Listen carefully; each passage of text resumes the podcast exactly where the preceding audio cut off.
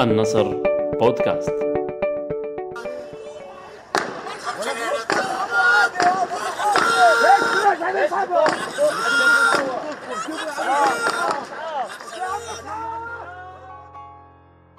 هكذا تعالت صرخات زملاء الصحفية الفلسطينية شيرين أبو عقلة وهم يطلبون الإسعاف بعد تعرضها لطلق ناري من قناص إسرائيلي داخل مخيم جنين.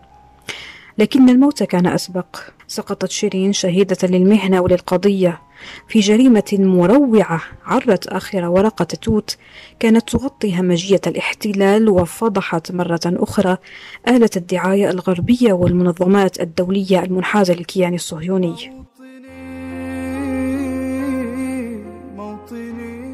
هذا النصر بودكاست وهذه ياسمين بولجدري تصحبكم في عدد خاص نمنح فيه الكلمة لمراسل التلفزيون الجزائري بقطاع غزة وسام أبو زيد ليحكي قصة اغتيال ووجع وقضية قضية لن تموت مهما حاول المحتل طمس جرائمه.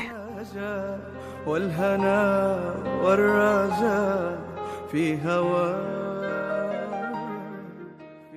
استقبلنا خبر آه، شيرين أبا عاقلة بكثير من الألم بكثير آه، من الدموع بكثير آه، من عبارات الشجب والاستنكار والتنديد بهذه الجريمة الإسرائيلية التي ارتكبت بحق الزميلة شيرين وإصابة زميلها الآخر.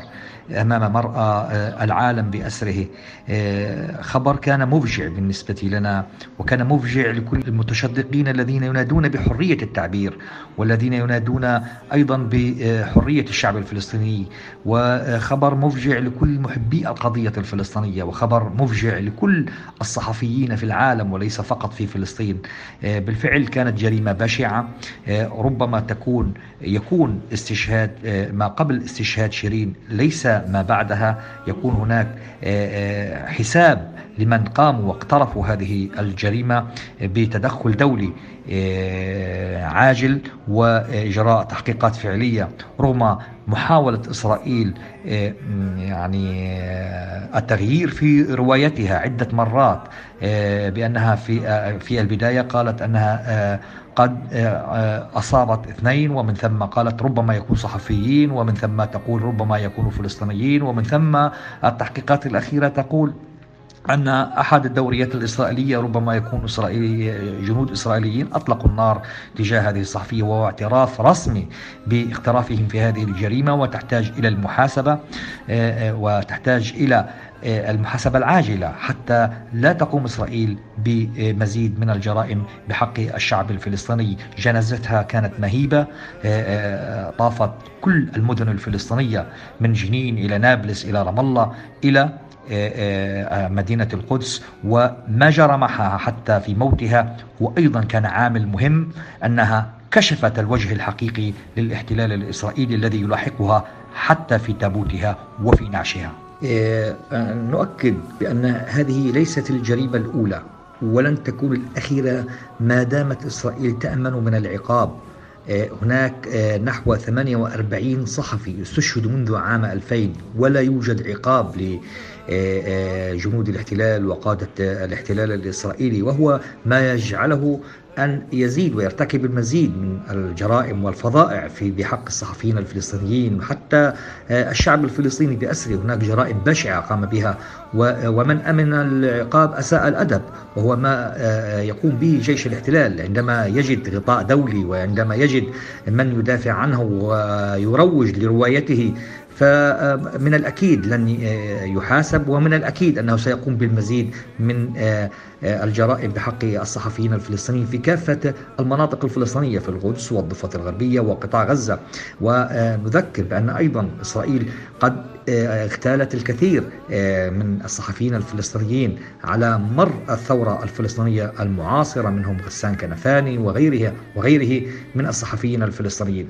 لا بد أن يكون هناك إجراءات على الأرض وإجراءات قانونية وإجراءات رسمية سواء من وسيلة الإعلام التي كانت تعمل بها شيرين ومن السلطة الفلسطينية ومن نقابة الصحفيين الفلسطينيين ومن الاتحاد الدولي للصحفيين ومن كل أحرار العالم.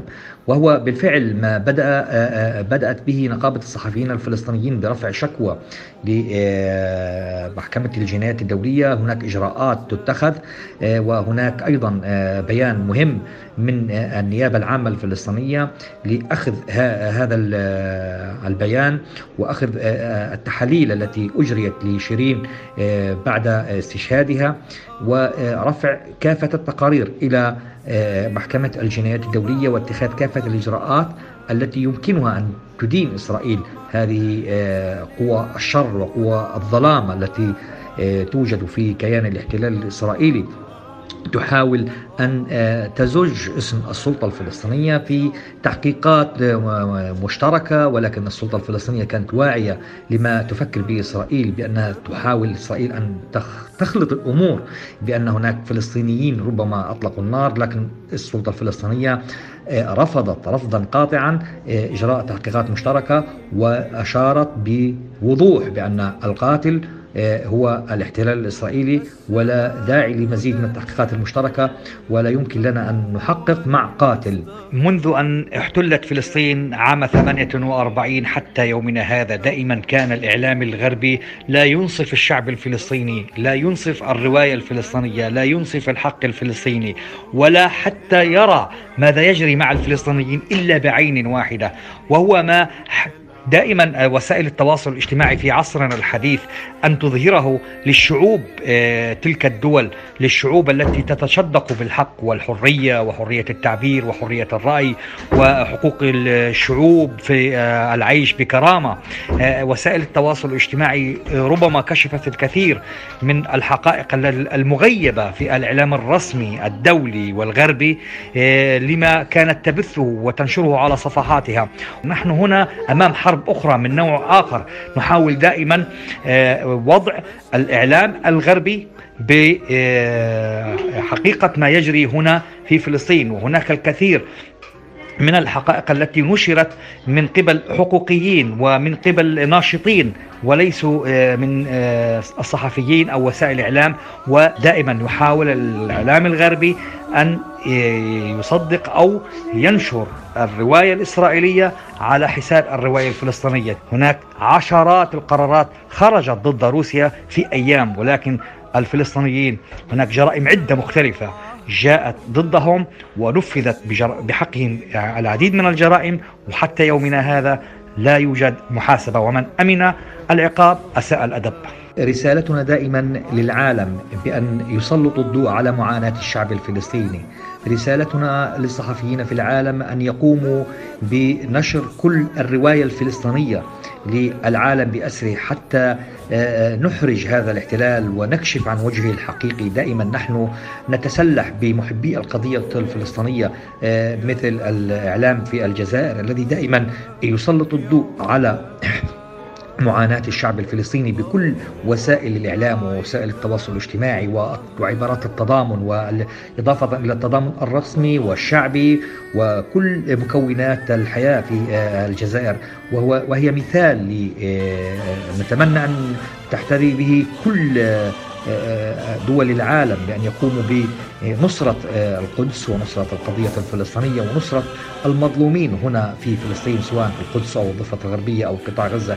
هذه المناشدة التي يمكن أن نقولها اليوم وهو نشر الرواية الفلسطينية والابتعاد عن رواية الاحتلال الإسرائيلي ومحاولته دائما دس السم في العسل ويحاول دائما تشويه صورة الفلسطيني وتشويه صورة الرواية الفلسطينية وتشويه صورة الشهيد والأسير وأم الأسير والمرأة الفلسطينية وتشويه صورة الطفل الفلسطيني.